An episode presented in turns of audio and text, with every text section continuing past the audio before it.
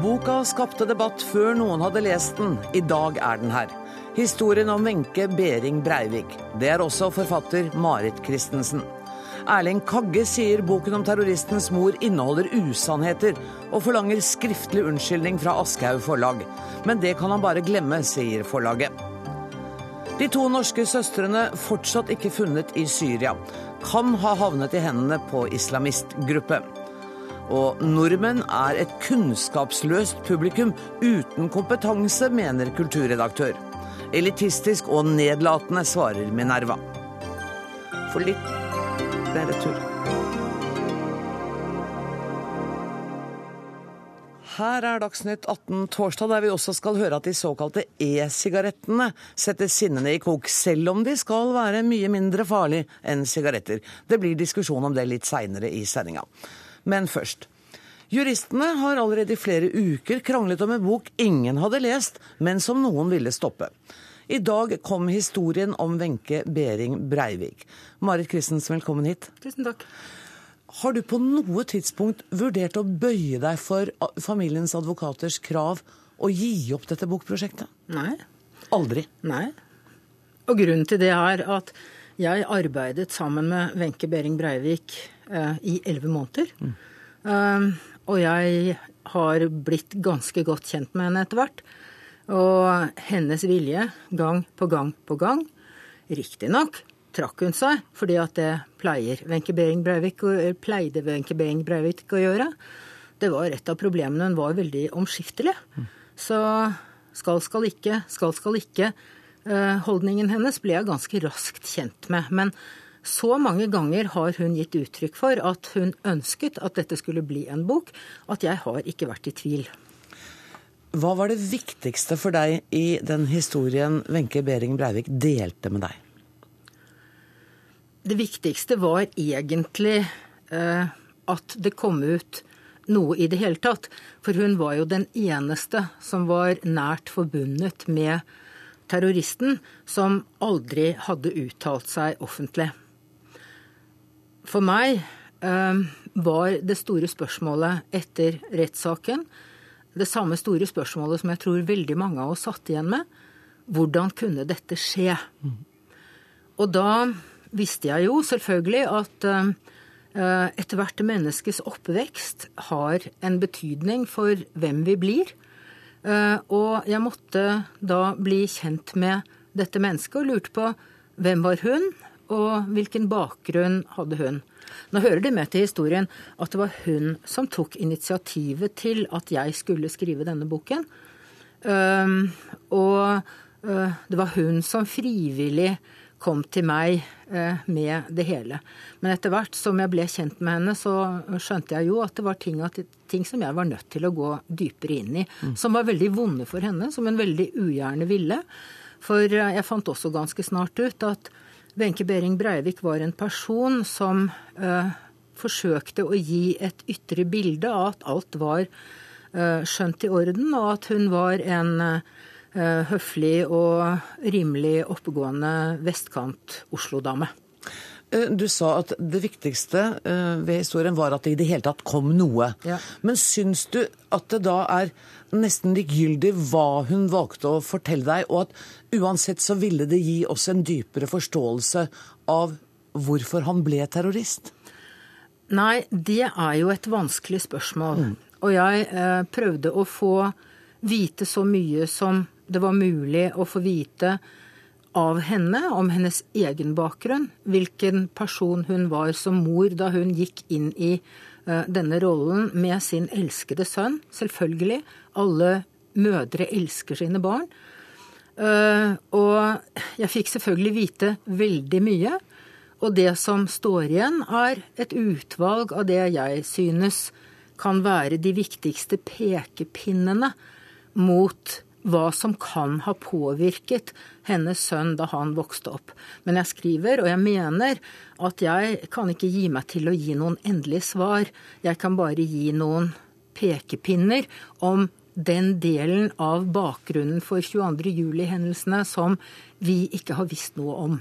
Dere har jo møttes eh, hovedsakelig hjemme hos deg mm. eh, og mange mange ganger og hatt nesten daglig telefonkontakt, i hvert fall i perioder. Ja. Det, det, er jo et enormt informasjonsmateriale du da må velge ut fra. Hvordan har du arbeidet med å velge det som kan gi meg som leser et best mulig inntrykk av henne? Ikke best mulig i den forstand at det skal være så godt som mulig, men et tydeligst mulig.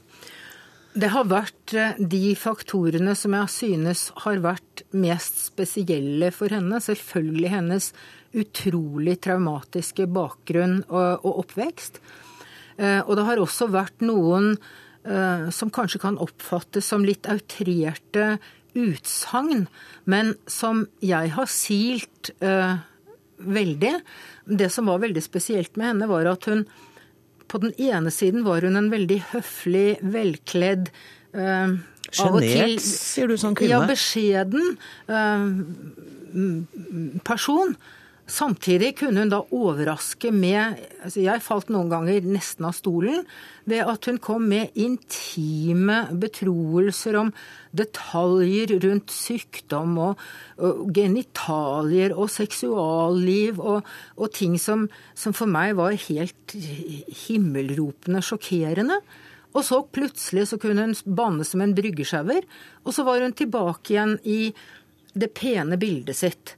Eh, og, og, for meg så var det viktig å vise noen av disse delene, men jeg har altså forsøkt av respekt for Wenche, fordi at jeg faktisk eh, har og hadde eh, en dyp respekt for henne som menneske. Jeg så aldri ned på henne. Hun var et offer og et medmenneske som jeg forsøkte å behandle med medmenneskelighet. Men samtidig så kunne jeg aldri glemme at jeg hadde et oppdrag som forfatter, eh, og selvfølgelig også med min bakgrunn som mangeårig journalist eh, i bakhodet.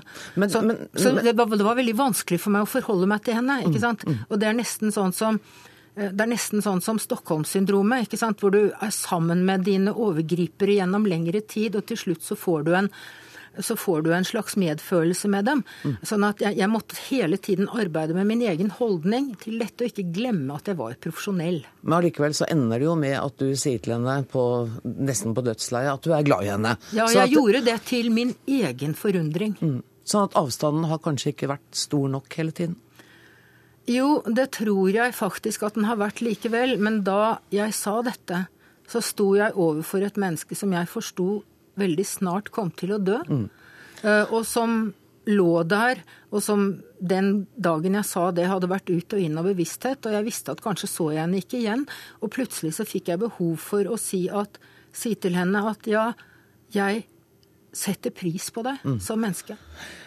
Du har fått kritikk, for det er jo fremdeles, selv om du sier du har tatt ut det meste av det hun har kommet med av beskrivende fysiske detaljer, så er det jo, og du har fått kritikk for at det er for mye av det i boken. Hvordan forsvarer du det? Er dette opplysninger jeg som leser trenger for å forstå hva som ledet fram til terrorhandlingen 22.07?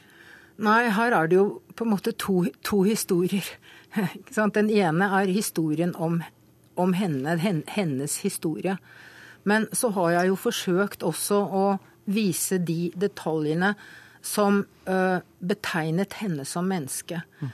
Og jeg har ofte tenkt at det må ha vært veldig vanskelig å vokse opp som Wenche Behring Breiviks barn. Hun gjorde alltid så godt hun kunne. Og det har jeg dyp respekt for. Hun prøvde og hun prøvde og hun prøvde. Og det som, uh, det som uh, ærekrenket henne aller mest i denne prosessen etter 22.07, det var jo når hun ble beskyldt for å være en dårlig mor. Mm. Og det var jo det som gjorde at det ble så ytterst følsomt, det som skjedde rundt øh, observasjonen i tre uker på Statens barne- og ungdomspsykiatriske øh, institutt. Fordi at hun følte at da var det noen som stilte spørsmålstegn ved hennes egen evne som mor. Selv om hun hele tiden sa også til meg at jeg visste jo ikke hva det var å vokse opp i en normal familie. Jeg hadde aldri gjort det, så jeg prøvde å lete etter måter å gjøre det på. Boka di er allerede anmeldt, og det har kommet anmeldelsene, har, noen av anmeldelsene i hvert fall som jeg har sett, har vært ganske kritiske. Var du forberedt på det? Jeg har egentlig ikke vært forberedt på noe som helst. Det er jo etter et langt liv og sett hva menneskene kan foreta seg rundt omkring forskjellige steder i verden, så er egentlig mitt livsdevise 'bli aldri overrasket'. Mm. Derfor er jeg heller ikke overrasket over noe som helst. Tusen takk for at du kom til Dagsnytt 18. Marit Christensen, vi kommer til å se deg i andre fjernsynsprogrammer utover kvelden også, regner jeg med. Tusen takk skal du ha. Takk. Inn i studio er kommet uh, Hans Marius uh, Grosvold. Nyheten om at denne boka skulle komme akkurat i dag, kom overraskende på mange, deriblant eh, deg, advokat Hans Marius Gråsvold, som lenge har arbeidet for å endre deler av denne boka i takt med Behring Breiviks ønsker på dødsleiet. Nå har du lest. Hva er din første kommentar? Ja, Det har jeg ikke fått gjort, dessverre. Har du ikke lukta litt? Du har bare latt deg intervjue i dag? Jeg har snakket med dine kolleger. Ja. Eh, Men du, jeg går ut fra at du er kjent med i hovedsak innholdet i boka? Jeg er kjent med det at boka selvfølgelig lener seg tungt på den informasjonen som hun fikk av eh, Wenche Behring Breivik. Mm. Det er jo det som på en måte er, er, er grunnstammen her. Det, det, vet jeg. Men som jeg har sagt også i hele dag, vi er nødt til å få lest gjennom denne boken her nå før vi kan ta stilling til hva vi skal gjøre videre. Er du enig i at dette er en viktig bok? Det er flere som har sagt det tidligere i dag av anmeldere og kommentatorer. Ja, Helt åpenbart. Eh, Wenche Behring Breivik som person er, eh, er viktig, og, og, og temaet 22.07 er, er viktig. Eh, det har jo jeg også vært klar på hele tiden, at det er ingen som kan hindre verken henne eller andre i å skrive en bok om dette. Hva er problemet? Problemet er måten Christensen har skaffet seg denne informasjonen. Kanskje nettopp i en så stor og alvorlig sak som dette her. Eh, og hvor vi da ser at, at, det er en brytning eh, opp mot eh, altså alt fra personvernprinsipper, men også, også, hensynet til denne personen, som jo hadde et genuint ønske om å fortelle sin egen historie. Der må disse hensynene virkelig tas. Ok, La oss ta dette litt uh, trinn for trinn. Hvilke personvernhensyn er det som er brutt? Nei, jeg, jeg, sier ikke at det er brutt, jeg sier at det er en brytning her. Altså det, her, her, okay, her, her, står disse prinsippene mot, opp mot et veldig viktig tema.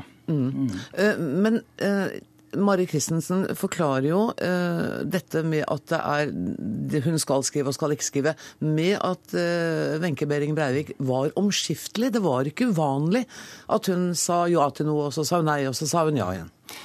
Nei, jeg merker meg jo det, og at hun, eh, hun betegner jo også Breivik som vinglete. Hun snakker jo her da om en alvorlig syk person en, en etter hvert en døende person. Og nettopp det at denne personen er vinglete, mener jeg da burde tilsi at hun tar alle mulige uh, hensyn uh, til det. Og når hun da nå rett før hun døde får presentert det som jo kan dokumenteres som hennes siste vilje, så skulle hun ha forholdt seg til det. Men det har hun og nå også forlaget satt seg utover. Men mener du at denne boken på noen måte kan skade Wenche Behring Breiviks ettermæle? Ja, igjen, jeg må få lov til å lese boken, ja, okay. så jeg kan uttale meg om, om det. Ja, jeg, jeg, trodde faktisk at du hadde, hadde, gjort det i dag, for det har liksom de fleste andre av oss, men jeg får forståelse for at du har hatt litt andre oppgaver. Um, hva blir det neste skrittet dere tar uh, juridisk? Det er flere ting som må vurderes nå. Det første er innholdet i boka. Mm. og Det vil sette oss i stand til å avgjøre hva vi skal gjøre videre. Om dette skal på en måte følge en rettslig akse, eller om vi mer skal fortsette og kanskje også foredle litt den debatten som pågår nå om eh, hennes metoder. Det er det ene. For å gå til retten og be om å få den stanset er vel litt poengløst nå? Du, du, stans, du kan ikke få stanset en bok som Nei. allerede er ute. Ikke sant? Eh, mener altså, jeg, og med støtte tror jeg også fra de fleste andre advokater. Men det er det ene som vi må, må, må vurdere hva vi skal gjøre. Det andre er jo noe som også eh, Breivik var veldig opptatt av. Nemlig hvordan denne informasjonen forvaltes og, og, og tas hånd om videre. Mm. Hun øh, ønsket ikke at dette skulle komme i gale hender. Hun ønsket ikke at det, i alle fall ikke at det skal brukes utover i denne boken. Øh, så det er også noe som vi uansett er nødt til å ta opp med, med Christensen. Er det økonomiske interesser som er tema her også? Nei, det er det ikke. Og det, det, det har jo vært antydet. Ja, jeg måtte bare spørre. Også, også, også, i løpet av dagen. Men det er helt på det rene at det er jo én arving her som, øh, som, på en måte kunne hatt økonomiske interesser. Eh, det har hun ikke. Hun ønsker ikke en krone av inntektene her. Eh, det har hun gitt uttrykk for eh, til meg via sin. Du mener altså advokat. datteren Elisabeth? Datteren. Mm. Hun ønsker ikke noe som helst av disse inntektene. Samtidig så ser vi jo det at Breivik var jo inne på tanken om å donere sin del av royaltyen til veldedige formål. Og da er vi jo igjen inne på avtaleforholdet her mellom de to, som var litt omskiftelig. Breivik ble forespeilet en avtale også etter denne siste erklæringen som vi har hørt snakk om. En avtale som, som da på en måte skulle reetablere dette forholdet som hadde med råd til å gjøre, den kom aldri. Og det er noe som vi også vurderer å ta opp med både forfatteren og, og forlaget. Og ja, så det er penger i det bildet? Man snakker om penger også? Ja, men ikke som da skal tilfalle noen av arvingene. Og det syns jeg det det, er, det er, noe man skal ha, ha med seg her. Uh, har du vært i kontakt med datteren til Wenche Behring Breivik i dag? Nei.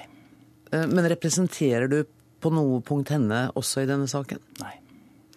Da sier jeg tusen takk for at du kom hit, og så kan du gå hjem og lese boka. Hans Marius Grosvold. Vi slipper ikke samtalen om denne boka riktig enda. Erling Kagge og Kagge Forlag forlanger nemlig en unnskyldning fra Aschehoug for feil de mener boken inneholder. Og vi skal høre hva du har å si, Erling Kagge. Eh, men først Kari Spjelnes, forlagsdirektør i Aschehoug. I dag har Mari Christensen fått kritikk for uetisk opptreden mot Wenche Behring Breivik. Hva er din kommentar til det? Da vil Jeg si at jeg kan skjønne at folk stiller spørsmål ved uh, om Marit Christensen, om det er riktig av henne å skrive denne boken. Mm. Og så mener jeg jo, ellers så ville jeg ikke vært forlegger for den boken som i dag utkommer, at hun har sitt på det tørre. Det er viktig og riktig at hun utgir den. Fortellingen hennes er en nødvendig del av to, fortellingen om 22.07. i Norge. Men uh, går du også god for eh, den beskrivelsen som handler om en norsk kjent forfatter som kommer til eh, Wenche Behring Breivik på dødsleiet? Eh, og der skriver altså Mari Ja, der skriver uh, Mari Christensen um, Jeg har fått vite at Wenche ble svært opprørt da forfatteren hadde stilt spørsmål om sønnen hennes. Hun hadde mannet seg opp og klart å be henne og advokaten om å forsvinne fra dødsleiet hennes.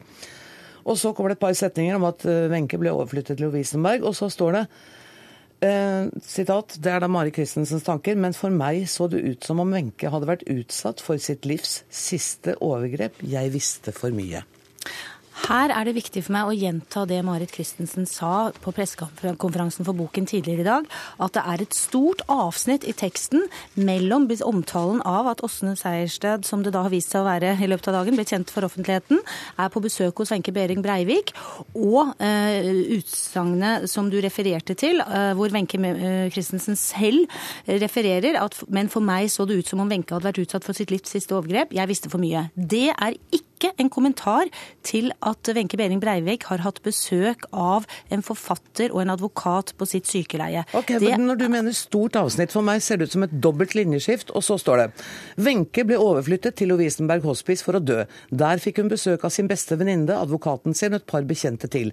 Jeg besøkte henne ikke, men sendte hilsener, ville ikke opprøre henne, siden jeg hadde fått beskjed gjennom den nye advokaten om å holde meg borte. Og så kommer det. Men for meg så det ut som om Wenche hadde vært utsatt for sitt livs siste overgrep. Hvilken annen situasjon er det man refererer til her? Jo, altså Nå er vi akkurat inne i noe av det som er begrunnelsen for at bøker skal leses i sin helhet. Fordi dette omtalen av besøk av en kjent forfatter kommer altså som siste del av et annet lengre avsnitt. Men jeg har lest hele boka og oppfattet ja, det sånn. Er det meg som bare er ja, dum? Da, eh, nei, jeg tror på ingen måte at Anne Grosvold er dum.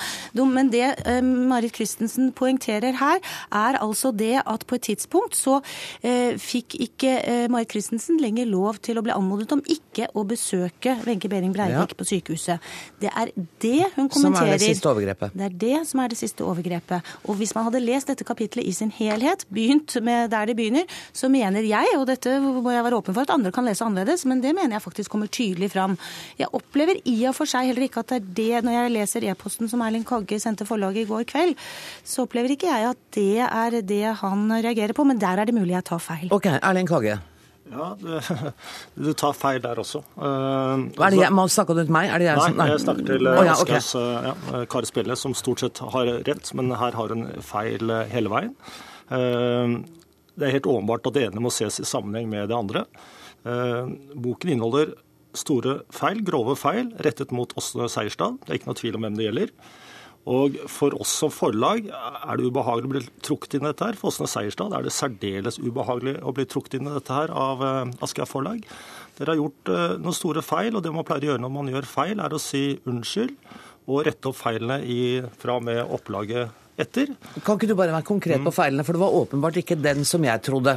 Jo, det, det, altså den du har, det er jo bare på en måte en sånn verdivurdering, det at hun liksom følte dette med at overgrep. ikke sant? Men de faktiske feilene, det handler da om at Åse Seierstad nærmest snek seg inn på sykehuset, at hun kom også på uventet besøk. Det er helt feil, uh, selvfølgelig. Åsne Seierstad ville aldri ha gjort det. At Wenche Behring Breivik ble overrumplet, det ble hun jo da ikke. Fordi hun da ble både spurt god tid i forveien, og så rett før Åsne kom inn i rommet, så ble hun spurt nok en gang om det var OK at Åsne kom inn og snakket med henne om disse temaene. Også da at hun hevder at hun da kom bare for, liksom fremsto for å bare ville komme og hilse på. Premissene for samtalen var helt klart lagt på forhånd. Og så videre. Og Det groveste det er, det er altså sitatet her. Og klart be henne og advokaten, også Behring Breivik, ba også Seierstad advokaten om å forsvinne fra dødsleiet hennes. Det er også beviselig usant. Det er rett og slett oppspinn.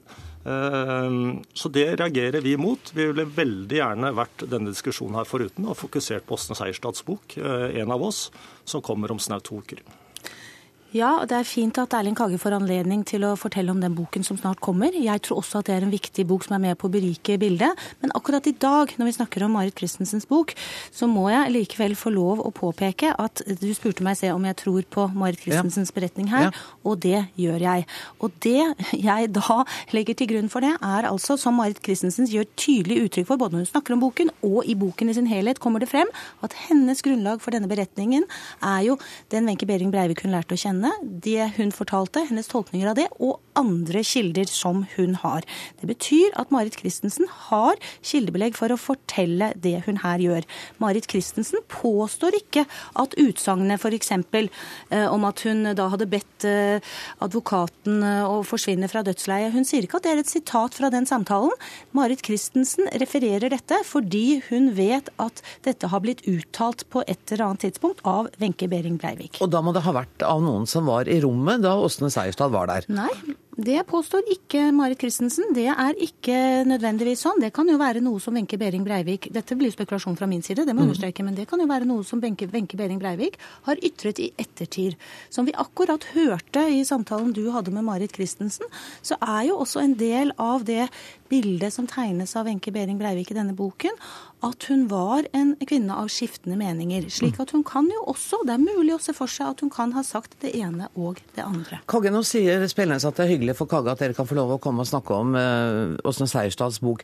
Uh, kom dette egentlig litt beleilig for dere å kunne drive promotering av den boka litt tidlig, eller? Selvfølgelig ikke. Sent i går kveld ble vi ringt opp av en journalist som leste disse sitatene høyt fra, for oss og ba om en kommentar. Vi ville selvfølgelig ikke vært en del av dette. her. Det er ingen som ønsker, særlig ikke Åsne Seierstad og vi, at hun skal bli fremstilt som snikete og lurete overfor et menneske som ligger for døden.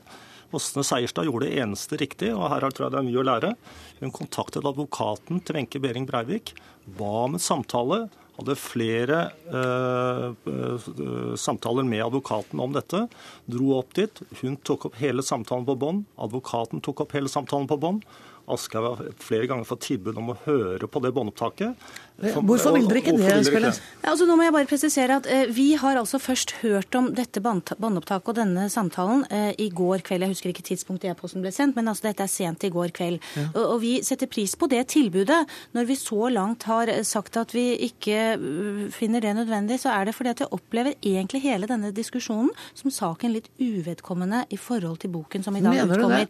Og Jeg må også få jeg betviler jo ikke et øyeblikk at det både Øystein Seierstad og Erling Kagge sier, er riktig. Altså derfor, jeg, jeg, ser ikke noen grunn til at det lydbåndet det ikke, Vi betviler ikke at det de sier, omtales på det lydbåndet, er riktig. Det, det er ikke noe strid om det. Sånn at uh, det, Nå ble jeg litt usikker, fordi Kagge ber om en unnskyldning fra dere. Og du sier at ja, men det er helt sikkert riktig det Kagge sier, og det Åsen Seierstad ja, sier. Men dette handler jo bl.a. om hvordan vi leser da disse Dette blir jo nesten en sånn eh, fortolkning av tekstens spørsmål. Eh, jeg forsvarer altså det at eh, Marit Christensen skriver her at hun lik Wenche Behring Breivik, hadde mannet seg opp og klart å be henne og advokaten om å forsvinne fra dødsleiet hennes. Det har Marit Christensen kilder på. Men Marit Christensen påstår ikke at dette har funnet sted i samtalen der Åsne Seierstad var. Hun kan ha sagt det til noen etter at de var gått, f.eks. For Forandrer altså, det situasjonen, Kage? Overhodet ikke. Hun døde da like etterpå. og Og Jeg syns du sa det veldig treffende sted, at dette er rene spekulasjoner. Og det er det det fremstår som også. Og så eneste er sikkert er at slik det står i boken, er det feil. Og da er det berettiget å si unnskyld.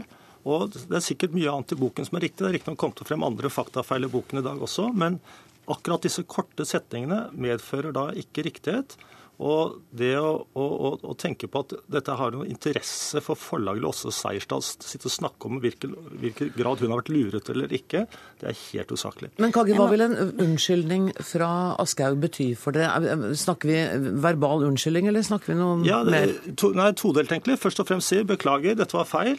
Og det neste er blir det et nytt opplag, så retter vi opp fra og med neste opplag. Det er akkurat så enkelt som det. Spennende kommer ikke til å be om unnskyldning, men kommer du til å korrigere noe i neste opplag? Jeg, jeg, har lyst til å gjenta da det jeg sa i tidligere dag. Altså, vi ble presentert for denne saken sent i går kveld. Vi har så vidt rukket faktisk å drøfte den med Mai Christensen, for det har vært så mye annet som skjer i dag. Så vi har sagt at vi gjerne skal se på den en gang til. Men slik vi ser det nå, er det ikke grunnlag for en unnskyldning eller oppretting. Men vi vurderer gjerne dette i sin helhet en gang til. Jeg må også få tilføye at Erling Kagge sa tidligere i dag at han bare hadde lest noen sider i boken. Dette måtte jo ses som en del av hvordan Marit Christensen forteller hva som er hennes fremstillingsform. Dette inngår som en del av det. Vi snakker sammen med når du har lest hele boka, og når dere har eh, sett på saken på nytt. Tusen takk for at dere kom. Inn kommer i studio nemlig to som har lest boka, for pressekonferanse og første sideoppslag til tross. Ehm, det er mange som har rukket å lese, og Harald Stanghelle, politisk redaktør i Aftenposten, du har sagt at eh, det er for mange intime detaljer i denne boka. Hvorfor det? Ja, det er sagt. Eh, Marit Christensen har ei viktig historie. Hun forvalter ei viktig historie fordi at hun har snakka med Wenche Behring Breivik så mange timer. Eh, men det boka bryter inn i en intimsfære. Jeg mener at svært personlige og intime detaljer, det kan være berettiget hvis det hadde hjulpet oss til å forstå mer av 22.07-terroristens syke. Men slik det er brukt i denne boka, så er det svært mye som ikke gjør det. Og det handler, altså det handler ikke Når man sier intime detaljer, så tenker folk ofte i retning eh, seksualiserte detaljer. Det er ikke bare det. Altså, det, er, Nei, det, er det, er, nesten ikke det. Nei, det er seksualitet der, der eh, glimt inn på et ekteskapelig soverom som ikke fungerer spesielt godt. Det er eh, intime detaljer ellers, kroppslige detaljer. Det er så enkelt og en helt åpen detalj som at, eh, at den dødssyke eh, Wenche Behring Breivik eh, var redd for at det skulle ha lekka fra posen eh, som representerte hennes utlagte tarm. Altså, det er jo ikke noe inkriminerende, noe negativt det. Jeg vil tro at eh, alle som, som har, eh, har, vært gjennom en sånn operasjon, tenker i sånn retning. Men jeg spør meg sjøl hvorfor er det naudsynt med den type intime detaljer mm. i ei bok som burde fokusert på noe helt annet. Ja, og Du sier at det er en viktig historie, eh, men er dette blitt en viktig bok? Den er ikke blitt den viktige boka det kunne blitt. Fordi at eh, fokuset til forfatter, og dessverre også til forlaget, har ikke i tilstrekkelig grad vært å teste opplysningene som kommer fram, opp imot det avgjørende. Hjelper dette oss til å forstå Behring-familien, Breivik-familien og kombinasjonen av disse to eh, slektene. Det er opplysninger her som er interessante. Det er ingen store nyheter her. Mye av det kjenner vi fra psykiatrirapporter, fra rettssalen, fra mm. avisomtale. Men som jeg sa, Mari Christensen forvalter historien til eh, mor til 22. juli-terroristen. Eh, og det er klart vi som hele tida er på leiting etter å forstå, og prøve i det minste å forstå. Eh, vi hadde håpa på at eh, det var forvalta på en bedre måte. Knut Magnus Berge, du er kommentator her i NRK. Hvor viktig syns du denne boka er? Det er en viktig bok. Det er en svært viktig historie. Dette er på mange måter det viktigste vitnet som aldri vitna under rettssaken. Det er den personen som har levd tettest på Anders Behring Breivik gjennom barne- og ungdomsår, og ikke minst gjennom de viktige åra fra han i 2006 flytta hjem igjen på gutterommet hos mor, og eh, bodde sammen med henne da hele den perioden der han altså eh, skrive manifestet sitt, eh, planlegge eh, terroren, ja helt fram til et par måneder før 22.07. Slik sett er dette en viktig bok. Selvsagt er det en forutsetning at den er A. sannferdig, og B relevant. og eh, Der kommer jo disse, eh, disse spørsmålene inn om disse detaljene og om den, eh, de intime detaljene var nødvendige. Er du enig også, med Stanghelle der? Ja, jeg er enig i det. Men det jeg òg eh, mener, er at vi kunne godt ha fått flere detaljer. F.eks. fra samlivet mellom mor og sønn i disse åra fra 2006 til 2011. Men der er det jo um, også denne eh, dualismen og denne motsetningsforholdet innad eh, hos Wenche Behring Breivik, som eh, vi vet ifra tidligere, som vi vet ifra Behring Breiviks egen måte å framstille barndommen på. Hun vil ha fasaden i orden. Det er det viktigste for henne. Og hun reagerer jo voldsomt da boka til Åge Borchgrevink kom inn med sin sine eh, avsløringer eh, og, og, og nokså brutalt ærlige gjengivelser av eh, en psykiatrisk rapport fra Anders Behring Breiviks barndom. Og vi kan jo bare tenke oss hvordan hun ville reagert på, på dette. Um hvis eh, Aftenposten hadde trykket denne boka, eh, ville det vært uproblematiske forhold til Vær varsom-plakater? Nei, hadde vi trykka en del av de mest intime detaljene, så hadde vi vært felt så det suste i, i Pressens faglige utvalg. Det ville også NRK ha gjort. Knut Magnus, Marit Christensen snakker om samfunnsoppdraget sitt som journalist. Eh, og at det er liksom større enn konflikter med advokater og, og krangler med forlag. Forvalter hun det bra? Det er klart at det er iallfall et høyrelevant argument. Det er jo det relevante argumentet. Det er jo grunnen til at vi er interessert i Wenche Behring Breiviks historie. Nettopp at den er viktig for å forstå hennes sønn. Eh, I hva grad vi får et eh, nærmere bilde av Anders Behring Breivik? Vel, vi får nye biter i et puslespill som jeg tror vi aldri får lagt helt. Jeg tror ikke at eh, det er mulig å komme helt til bunns i denne saka, i den forstand at vi fullt ut kommer til å forstå hva som var beveggrunnene for Anders Behring Breivik til å gjøre det han gjorde 22.07. Og nå kommer altså advokatene til å vurdere boka. Eh, familiens advokater, Wenche Behring Breiviks advokat. Hva ser du for deg, Harald Stanghelle, kommer til å skje nå? Ingenting. Akkurat. Jeg tror jeg sier tusen takk til dere, og så setter vi strek for omtalen av boka om Wenche Behring Breivik. Takk til Harald Stanghelle, takk til Knut Magnus Berge.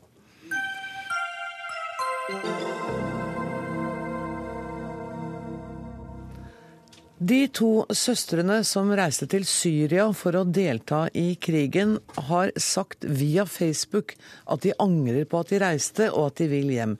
Men ingen vet fortsatt med sikkerhet hvor de er. Faren til de to jentene er fortsatt i Tyrkia, og han bekrefter at jentene har vært i kontakt med familien. Det som er nytt, er at uh, på, i går om kvelden tirsdag de kontaktet uh, sønnen min og, og kona mi. Og de sa at uh, de kan ikke logge seg på internett, og de sitter mot sin egen vilje. Og de angrer hva de har gjort, og de vil hjem til Norge. Kollega Tormod Strand, du er i Tyrkia. Hva mer vet du nå? Ja, det, dette her er jo selvfølgelig en fars fortvilte håp. Eh, disse meldingene som døtrene har kommet med. Og, og Det kan godt være han overtolker det, det døtrene har skrevet. Han er jo desperat etter å eh, få tak i sine døtre. Eh, men eh, dette er jo som å lete etter nåla i, i høystakken. Man vet jo rett og slett ikke hvor de er. Det eneste man kan være rimelig sikker på, er at de er i Syria. Eh, og faren er, var i hvert fall i går fast bestemt på å dra inn til Syria. Har han gjort det ennå? Nei, det har han ikke. Han, øh, ifølge faren så har han fått et tilbud fra den frie syriske armé som er altså de, si, demokratiske kreftene i Syria, som kjemper for et demokratisk Syria. Kjemper for å, for å få Assad bort og et demokratisk Syria. De har gitt et tilbud til faren, uh, ifølge faren, om at uh, de kan være med han inn i Syria for å lete etter døtrene. Men da må faren ha litt mer sikre opplysninger om hvor de kan være. Eh, og, og, I tillegg så leter altså Den frie syriske armé også eh, etter døtrene på sine utsiktsposter inne i Syria. Men foreløpig så er det intet nytt det gjelder hvor døtrene er.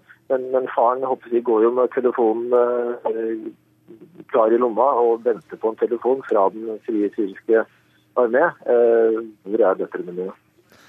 Nina Bjørlo, du er kriminalsjef for Asker og Bærum politidistrikt og leder arbeidet med å finne 16-åringen og 19-åringen.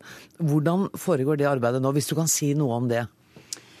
Eh, vi har jo, For det første så er dette en sak eh, vi i Asker og Bærum politidistrikt prioriterer, absolutt. Eh, og vi har jo jobba intenst siden vi mottok den savna meldinga den fredagen. Det er komplisert.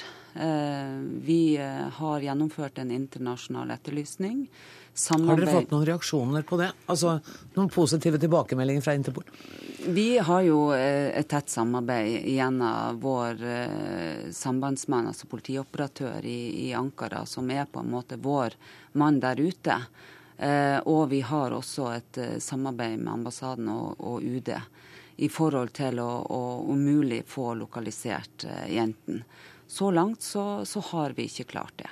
Forrige gang vi satt sammen i dette studioet, så sa du at du hadde et håp om å finne jentene. Du, du, hørtes på en måte mer optimistisk. Hva er det som har skjedd? Er det tida som har gått som gjør at det blir vanskeligere og vanskeligere?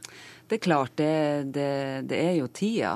Eh, og sist da vi snakka, så var vi, vel, vi var vel ikke helt der at vi trodde at de kanskje hadde klart å tatt seg over grensa, men nå er vi der at vi faktisk frykter at de har kommet seg inn i Syria. Men det at de har vært i kontakt med familien via Facebook, eh, er ikke det et godt tegn? Eh, Nå er jo dette informasjon som, som, far har gitt ut i media. Og, og du vil ikke bekrefte den? Eh, vi, vi, har tett kontakt med far, og all informasjon som, som vi får, det, det, jobber vi med.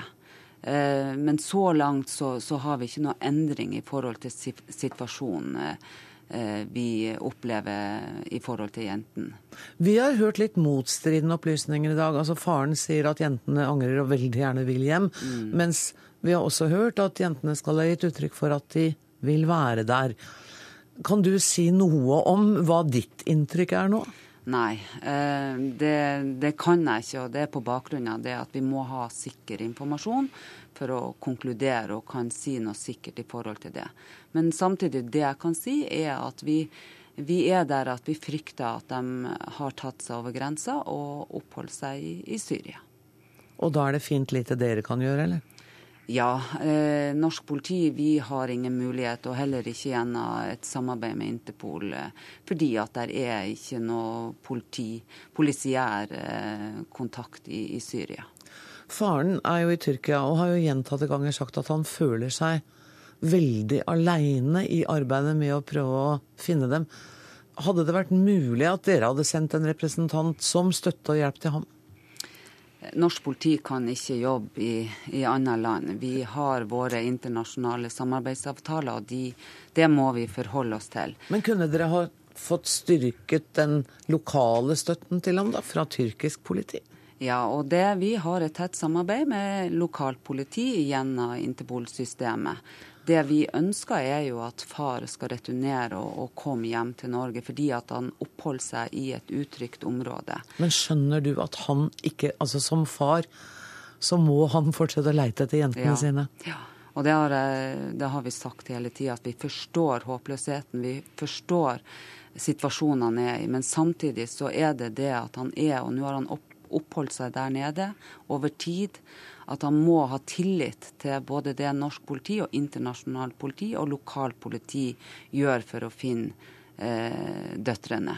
Og han setter seg sjøl i en farlig situasjon, og det er det vi frykter. Derfor har vi et sterkt ønske om at han skal returnere og komme hjem, og heller ha et tett samarbeid med oss i, i, i Sandvika.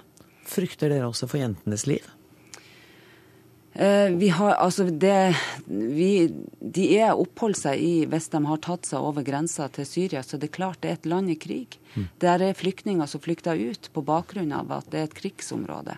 Så, så det, er, det er farlig. Farlig område. Tusen takk for at du orienterte oss i Dagsnytt 18, Nina Bjørlo, kriminalsjef ved Asker og Bærum politidistrikt.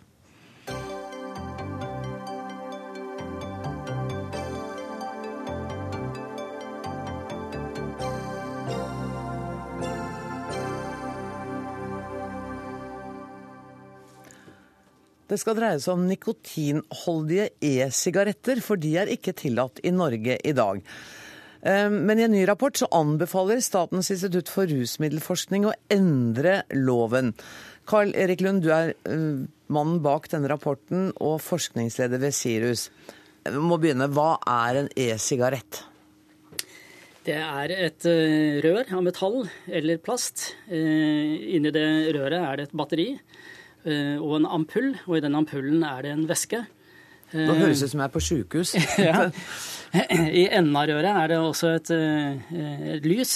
Så når du inhalerer på, på, denne og får i deg damp fra den væsken som ligger der, så aktiveres det lyset. Og da inhalerer du en damp som da holder ca. 60 grader. I den dampen så er det da særlig fire bestanddeler. Det er noe som kalles for propylenglykol. Det er en som man bruker da ofte på sceneteknologi, som gir røykeffekter. Gir litt riving i halsen. Um, og så er det noe som heter glyserol, som forsterker denne fordampningen. Og så er det nikotin, og så er det smakstilsetninger som ja, kan være tobakk og kaffe. Men det går an å røyke disse sigarettene uten at det er nikotin i dem? Ja, sant? og de er tillatt solgt i Norge. I Norge. Så det er de nikotinholdige sigarettene som da er forbudt. Forbudt i Norge. Mm. Du, Syns du at de burde tillates? De nikotinholdige òg? Um, vi synes at um, det forbudet som vi nå har mot dette, er lite hensiktsmessig. Um, fordi vi tror ikke det har en god folkehelseeffekt. Um, det er slik at veldig mange røykere mangler gode alternativer. Altså Mange røykere, ca. 200 000 i Norge, kan ikke eller vil ikke slutte med nikotin. Og for de har vi egentlig ikke noe alternativ. For de er det egentlig slutt eller død, på en måte. Mm. Så her kan nikotinholdige sigaretter være et alternativ. De appellerer til røykerne. Røykerne liker de. Men vil ikke folk begynne å røyke da?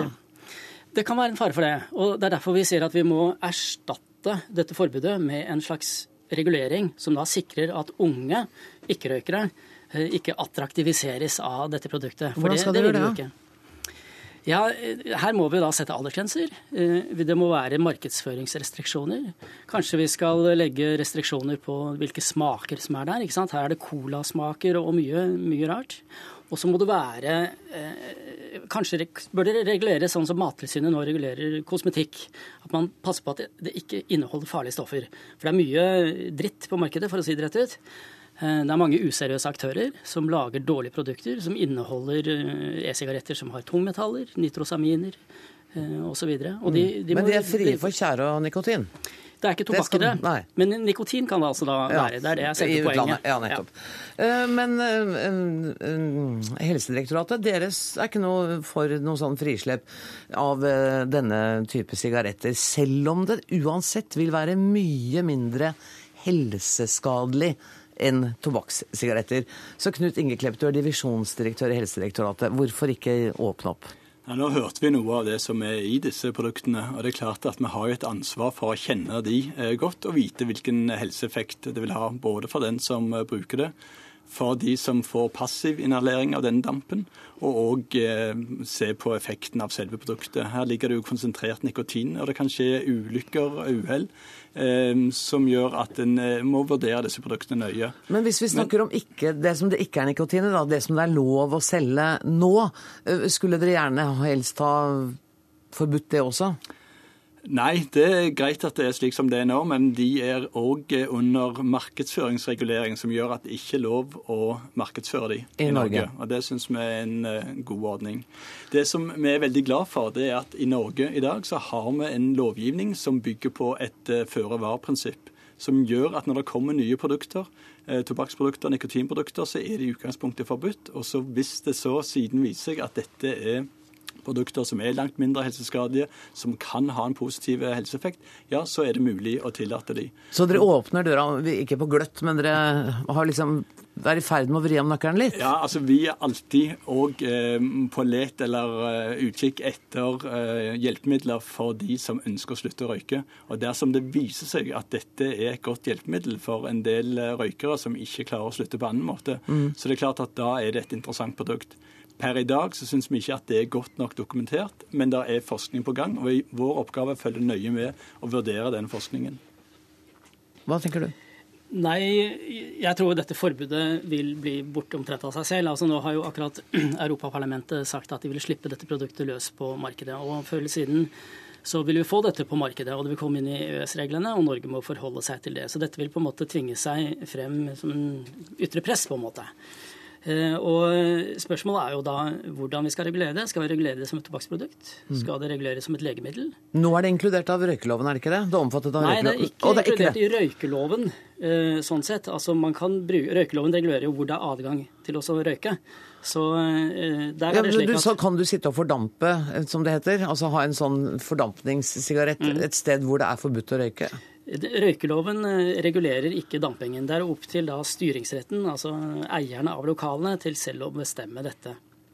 Så røykeloven eh, regulerer det ikke. Kunne man få fjernet mer ved å la, omfatte, altså la røykeloven omfatte også disse nye teknologiske sigarettene? Ja, Vurderingene så langt er at dette nok ikke blir rammet av røykeloven. Så da er det mer opp til f.eks. restauranteier og flyselskaper at de regulerer det. Bl.a. fordi det er forvirrende. Det er vanskelig å se er det en vanlig sigarett eller en, en elektronisk du, Sånn som han forklarte hvordan den så ut, så tror jeg jeg skulle ha, ikke ha noe trøbbel med å se forskjell på en vanlig røyk og den der metalldingsen med lys i enden og, og små ampuller og ting. Det er veldig altså. mange ulike produkter. Og er det det, ja? Det, det som en ser, er òg eh, hvordan dette da markedsføres i andre land. og da okay. er du plutselig tilbake på 50-tallet, hvor det eh, markedsføres som den glamorøse, flotte tingen sigarett.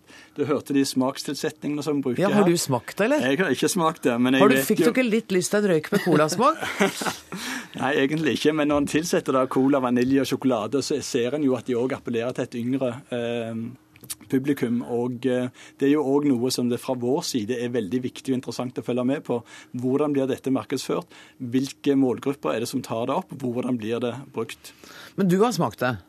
Ja, jeg har smakt det, og mange av mine kolleger har smakt det. Og ja. flere av vennene mine bruker det. Dere tar fram det metallrøret på en gøyal fest, og så fyrer dere opp en ampull? Altså, det, er, det er vekslende erfaring med det. det er ikke, alle liker ikke dette. Å, Men uh, mange, du, da? Nei, altså Jeg røyker ikke ellers, ah, så for meg så er ikke dette aktuelt. Men jeg har selvfølgelig prøvd det.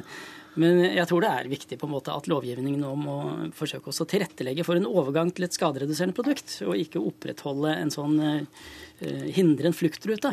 I prinsippet så er vel du enig i det? Ja, altså Vi følger jo veldig nøye med på hva som skjer med tobakksregulativet i EU, som nå ble behandla av parlamentet. Og straks eh, det er endelig vedtatt, så vil jo vi og få oppgaver fra departementet antageligvis om å utrede hvordan dette skal tilpasses i Norge. Plutselig så, så jeg for meg oss tre sittende og dampe på sånne rør med ampuller og sånn i studia. Tror ikke det kommer til å skje, men dere skal ha hjertelig takk for at dere kom, Karl Erik Lund og Knut Inge Klepp.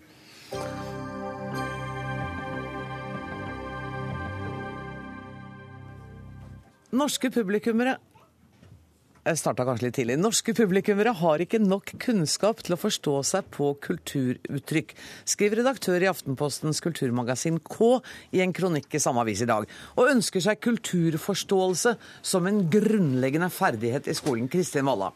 Du er altså redaktøren i Aftenpostens kulturmagasin K, og du skrev dette i dag.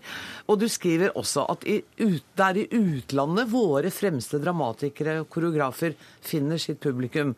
Fordi der, i motsetning til her, sitat, der finner de kompetente, interesserte tilskuere med verktøyet og referanserammene som trengs for å ta imot det de tilbys. Som når vi sitter i konsertsaler og ser ballett, så kaster kunstnerne perler forsvinnende når jeg sitter i den salen. Ja, og kanskje når jeg sitter i den salen òg, egentlig. Ja, det virka ikke sånn. Nei, men det tenker jeg Jeg syns det er veldig synd hvis eh, alle de fine kulturuttrykkene vi har i Norge, hvis det skal være en arena i samfunnet vårt der vi ikke trenger å anstrenge oss, og der vi ikke skal lære oss noen ting. Eh, for jeg tror at det, vi har en del kulturuttrykk som er ganske avansert, og som krever en del kunnskap. De krever en del av oss. Og vi har kanskje blitt litt bedagelig anlagt. Vi er så vant til at vi blir bombardert av uttrykk, og hvis ikke vi klarer å dekode dem med en gang, så er vi ikke interessert. Og det snakkes jo veldig mye om det, at publikum er ikke interessert. Jo, men altså, hvordan skal vi lære oss til å kunne ha den verktøykassa og forståelsen for f.eks. For uh, samtidsmusikk, uh, bildende kunst? Ja, først må Jeg si at jeg tror aldri det kommer til å være sånn at uh, samtidsmusikk og bildende kunst kommer til å bli kjempesvært i Norge. Det tror jeg ikke. Men jeg tror nok at Fordi vi er for late, eller fordi vi ikke gidder å Nei, det handler litt om at Norge er et lite land, og at eh, de, den gruppa som interesserer seg for den type uttrykk, de er jo selvfølgelig helt logisk mindre i Norge enn i andre land. Men så ser du òg eh, i andre land i Europa at eh, kulturfag står mye sterkere i skolen. Det er noe som er helt akseptert at man skal lære seg. Det er en del av en slags allmenndannelse som jeg kanskje føler at vi mangler litt her i Norge, fordi det har ikke vært prioritert i skoleverket f.eks. Kristian Meisingsæter, du er medredaktør i tidsskriftet Minerva. Det er manglende allmenndannelse. Ja, altså, jeg syns Vallas eh, kronikk er jo veldig eh, velmenende og hyggelig for folket. sant? Man, og litt nedlatende, eller? Kanskje en smule nedlatende. Altså, Den er jo i tråd med den kulturpolitiske ideologien som har vært i Norge siden krigen. sant? Man ønsker at kulturen skal nå ut til alle, og at alle skal liksom komme opp på det nivået der de kan like teater og opera. Men da tenker jeg to ting. Altså, jeg tenker at vi kan slappe av lite grann. Altså, um, det er ikke sikkert at kulturen nok en gang trenger fokus om at den må ut til alle. Kanskje vi også skal ha litt mer rom for mangfold at noen setter pris på liksom høyverdig litteratur, eh, eh, avansert teater, eh, abstrakt dans, mens andre kan ha veldig gode liv uten den type kultur. Kanskje de liker å sitte i sofaen og se en amerikansk TV-serie eller noe sånt. og Det eller kan også være kjempefint. Det må være greit. Fotballkamp, og det kan være veldig fint. Eh, og jeg, har en sånn, jeg, jeg, får litt følelsen når Valla skriver altså Dette er jo en kulturredaktør da, fra liksom, Hovedstadsavisen, og sånt, det mest dannede organet i landet. Og jeg får litt følelsen av at det, dette er jo hennes egen favorittkultur, som hun så veldig gjerne vil at alle andre også skal like. Det syns jeg er en smule nedlatende. Vi har med oss Ingrid Lorentzen også. Du er liksom vet jeg, utøveren, kunstneren midt i. Ja, deilig. Ballettsjef ved Den Norske operaballett. Hvordan, hva slags krav stiller du til publikummet som skal komme i operaen og se en av de ballettene du setter opp? For meg så snakker vi om to ting. Jeg kunne ikke falle meg inn og klage på publikum de folkene vi først får inn i salen, skal i hvert fall jeg ta meg av. Og det, det publikummet som kommer, for det er et, ofte et veldig entusiastisk publikum. Så vi har et veldig godt publikum i Norge. Så det er litt for enkelt synes jeg, å si at det her kjenner vi oss ikke på, vi forstår oss ikke på det. For det er en voldsom interesse i Norge. Dere har jo fulle hus. Vi, har, vi hadde over 300 000 mennesker som kjøpte billett i fjor. Altså, det er mange folk, og det er stor begeistring blant dem som kommer. Men det er klart at det her vi lager, skal treffe på forskjellig nivå. Og jo mer du vet om en ting, jo mer du kan, jo mer utbytte du, vil du få. Og det er umulig å ikke være enig i at det å styrke det fra skolene, at de skal tidlig få møte det som jeg syns er helt normale kulturuttrykk, som tryllefløyten, som jeg tenker er supert for alle unger. Jeg er jo en sånn som får sjokk når en bussjåfør skrur av barokkmusikk når han kjører. Altså, jeg forstår det jo ikke. Det jo, så, så, sånn sett så er jeg kanskje litt på sida, men allikevel tror jeg ikke det. Men det er jo helt, helt riktig, det som Ingrid sier. Det er vel det som er poenget ditt. At det å kunne mer gjør opplevelsen enda større. Ja, det er klart at den gjør det. Altså, Kunnskap fostrer jo interesse. Det tror jeg er ganske, det er vi ganske vant til. Eh, og så er jeg litt opptatt av at vi har jo, eh, det har jo blitt bevilga veldig mye penger til kulturuttrykk i Norge de siste ti årene. Og det er det vi, altså folk flest, som betaler for. Men så har man samtidig hatt et såkalt løft i skolen der man bygger ned estetiske fag. Og man sier at nei, men vet du hva, denne kulturen den er egentlig ikke så viktig, og du trenger egentlig ikke noe fagkunnskaper om den. Jo, Men samtidig, når du sier at det er klart at vi må ha kunnskaper, så må det jo heller ikke bli sånn at jeg ikke tør å gå og se på uh, en ballettforestilling som Ingrid setter opp, som er uh, eksperimentell, fordi at jeg tenker nei, men den kan jeg ingenting om, så da er ikke det for meg. Nei, men jeg har heller aldri sagt at man, at man, skal ha kunnskap for at man må ha masse kunnskap for å gå og si en ting. Det jeg sier, det er at jeg tror at du vil ha større utbytte av enkelte kulturunntrykk hvis du har en større referanseramme, hvis du har mer kunnskap om dem. Kristian Messenseth, er elefanten i rommet nå at vi snakker om et klasseskille? Ja, det er jo, det er jo ingen tvil om det. Altså, øh, det, det, er, et veldig vanskelig tema. Altså, men jeg, jeg, jeg, jobber med en bok nå som kommer, kommer, på mandag. Den har jeg ikke lov til å snakke om ennå. men uh, den Jeg vet det, jeg har tenkt å invitere deg tilbake på mandag. Takk. Uh, og um, Saken er jo at mens man har hatt denne kulturpolitiske ideologien, som har ønsket å utjevne kulturelle forskjeller og inkludere alle i disse fine kulturelle sjangrene, så har altså de kulturelle klasseskillene vært stabile eller økende. Og I de siste par tiårene med enorme bevilgninger til kulturen, så er det altså ikke sånn at det er flere grupper i samfunnet som har blitt interessert i f.eks. ballett eller opera eller teater. Uh, og Jeg har også lyst til å utfordre Ingrid Lorentzen. fordi Operaen i Bjørvika har jo selv et eksplisitt mål om at publikummet deres skal speile befolkningen.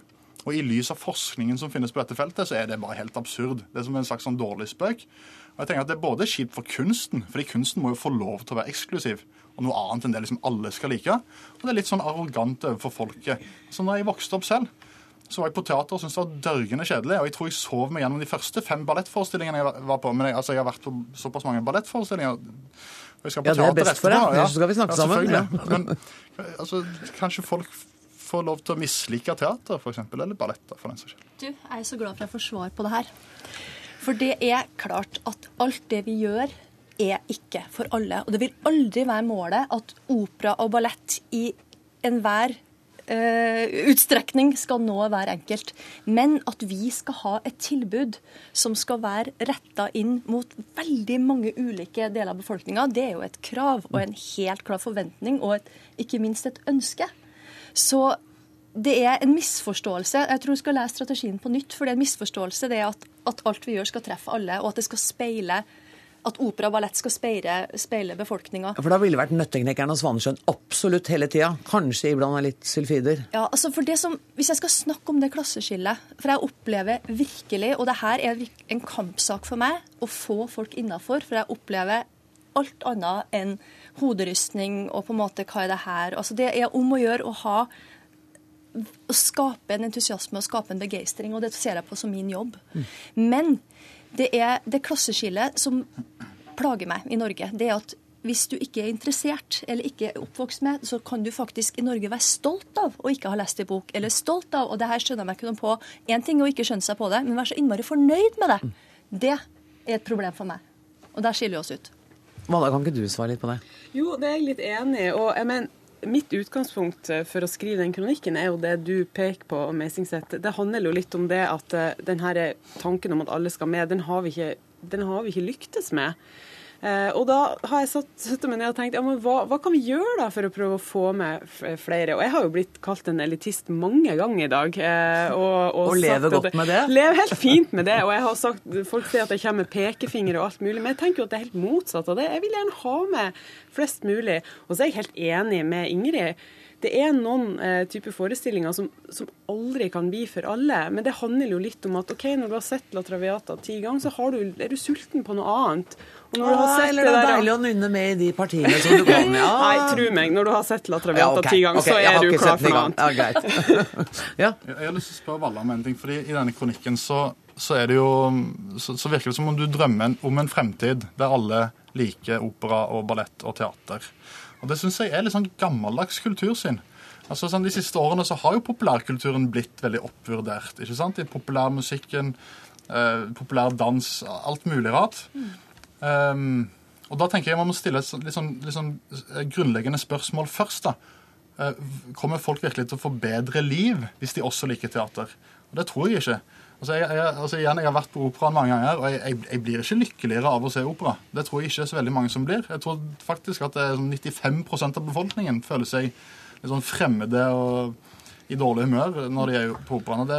Nei, sikkert mener du det? At du ikke kommer til operaen i Bjørvika og blir et lykkeligere menneske? Ja, det mener jeg. Men, altså, men, men Valla, det er jo sjokkerende. Jeg vil spørre Valla om dette. Altså, hvorfor, hvorfor, tror du at de blir lykkeligere av å se teater eller ballett? Nei, Det er jo akkurat kanskje det som er problemet, at det er noe jeg tror, det er en mm. følelse jeg har. Men igjen så handler det om det at kultur det er noe av det det forskes minst på i Norge. Så vi vet ikke, vi må bare anta at ok, når folk kommer ut fra operaen og er smil, så får vi anta at de kanskje har det bedre, i hvert fall den kvelden. Ja, og vet dere hva? Altså, vi Jeg foreslår at vi møtes på Operataket om en liten stund. Men denne sendinga her er i hvert fall slutt, så jeg må si tusen takk til Kristin Walla, Ingrid Lorentzen og Christian Meisingseth. Og så skal jeg også nevne at ansvarlig for sendinga i dag, det er Dag Dørum. Det tekniske ansvaret har Karl Johan Rimstad. Jeg heter Anne Gråsvold, så hvis jeg rekker tilbake fra Operataket, så er jeg her i morgen kveld igjen. Takk for nå.